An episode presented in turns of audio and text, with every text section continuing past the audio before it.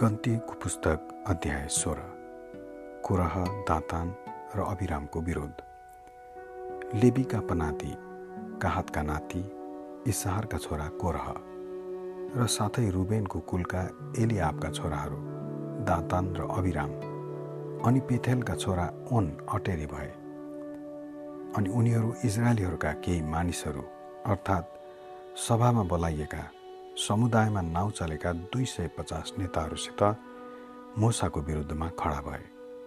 उनीहरू मोसा र हारुनका विरुद्धमा जम्मा भई तिनीहरूलाई भने तपाईँहरूले अति गर्नुभयो। समुदायका सबैजना पवित्र छन् र परमप्रभु तिनीहरूका बिचमा हुनुहुन्छ। तपाईँहरू किन आफूलाई सबैभन्दा उच्च तुल्याउनुहुन्छ? यो कुरा सुन्ने बित्तिकै मोसा घोप्टो परे।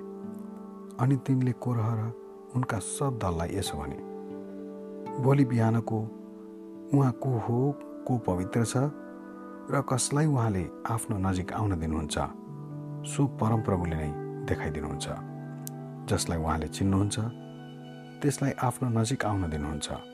ए कोराह यसो गर। तिमी र तिम्रा सबै दलले धुपौराहरू ल्याऊ। भोलि परमप्रभुको सामुन्ने तिनमा आगो र धुप राखुन्। जसलाई परमप्रभुले चुन्नुहुन्छ त्यही पवित्र हुनेछ। हे लेबीहरू हो तिमीहरू व्रत भयो। तब मोसाले कोरालाई भने ए लेबीहरू हो सुन।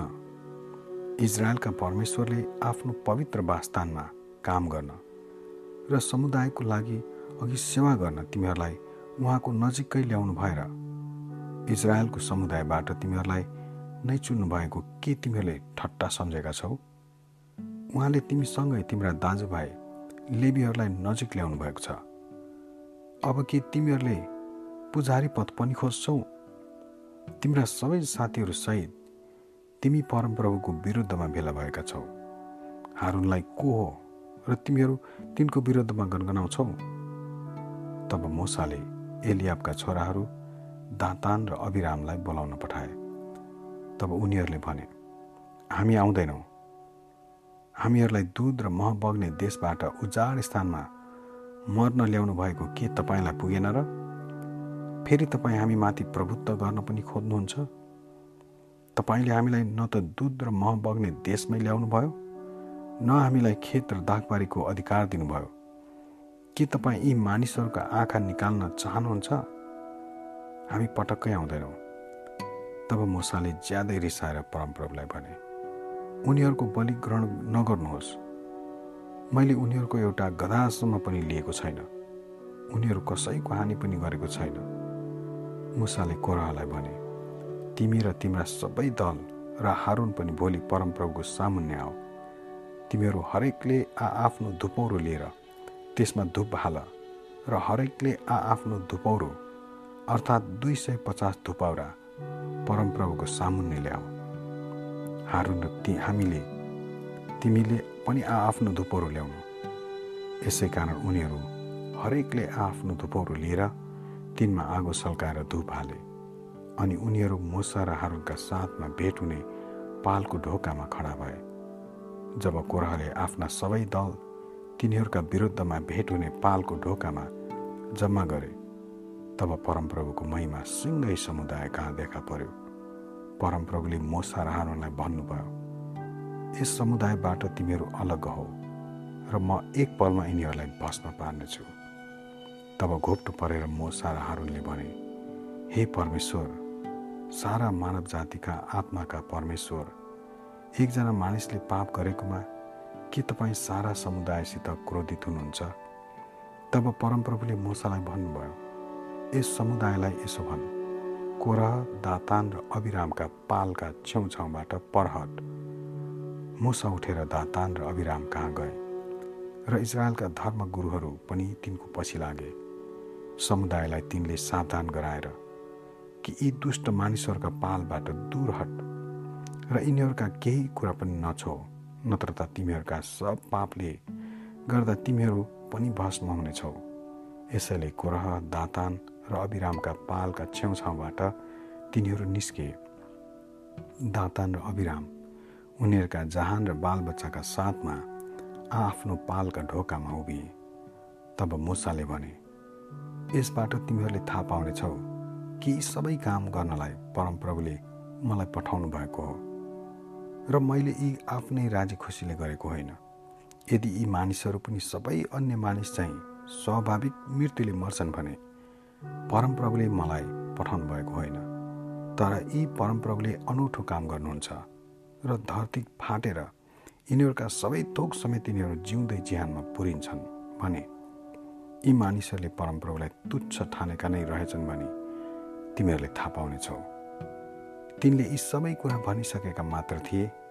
उनीहरू मुनिको धरती फाट्यो अनि धरतीले आफ्नो मुख बाएर उनीहरू र उनीहरूका घरानाहरू कोरहतर्फका सबै मानिसहरू उनीहरूका मालता समेतलाई निलिहाल्यो।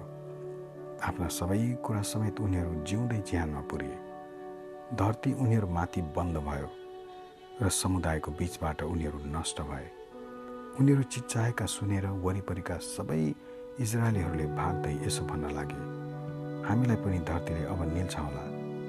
अनि परमप्रभु कहाँ आगो निस्केर धुप चढाउने ती दुई सय पचासजनालाई भस्म पार्यो। परमप्रभुले मोसालाई भन्नुभयो हारुन पुजारीको छोरा एलाजारलाई जलिरहेको ज्वालाबाट धुपौराहरू निकाल्न र फिलिङ्गा निले निकै टाढा लगेर छरिदिनलाई हरा किनभने ती धुपौराहरू पवित्र छन्। ती आफ्ना प्राणको हानि गरुन्जेल पाप गर्नेहरूका धुपौराहरू। ती धुपौराहरूबाट वेदी मोहर्ने पाताहरू पिटेर बनाउनु। किनभने ती परमप्रभुको सामुन्ने चढाएका हुनाले पवित्र छन्। ती पाताहरू चाहिँ इजरायलीहरूका निम्ति चिन्ह हुन्। तब एलाजार पुजारीले ती भस्म हुनेहरूले चढाएका काँसाका धुपौराहरू र पिटेर बेदी मर्ने पाता बनाए जस्तो परमप्रभुले एलाजारलाई मुसाद्वारा भन्नुभएको थियो। हारुनका सन्तान बाहेक कोही अन्य मानिस धुप बाल्न नजिक नहोस् भनी होसियार गराउन इजरायलीहरूलाई यो सब भएको थियो। नत्र त त्यो पनि कोरह र उनको दल जस्तै हुनेछ। भोलिपल्ट इजरायलीहरूका जम्मै समुदायले मुसा र हारुनका विरुद्धमा यसो भनेर गनगनाए। तपाईँहरूले नै परमप्रभुका मानिसहरूलाई मार्नुभएको हो। तर जब समुदायले मुसा र हारुनका विरुद्धमा भेला भई भेट हुने पालतिर हेरे तब अचानक बादलले त्यसलाई ढाक्यो र परमप्रभुको महिमा देखा पर्यो। मुसा र हारुन भेट हुने पालको अघि गए अनि परमप्रभुले मुसालाई भन्नुभयो तिमीहरू चाहिँ यस समुदायबाट पर हटिजाओ र म यिनीहरूलाई पलभरमा बस्न पार्नेछु।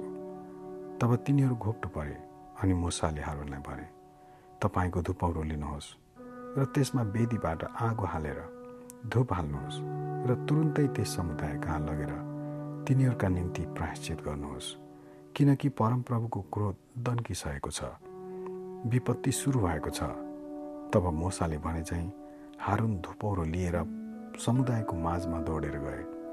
विपत्ति मानिसहरूका बिचमा आइसकेको थियो तर तिनले धुप हालेर मानिसहरूका निम्ति प्रायश्चित गरे। तिनी मरेका र जिउँदाहरूका बिचमा खडा भए र विपत्ति थामियो। कोरहको घटनामा मरेका बाहेक त्यस बेला विपत्तिले मरेकाहरू चौध हजार सात सय थिए। विपत्ति थामिएपछि हारुन भेट हुने पालमा मुसा कहाँ फर्के? आमेन।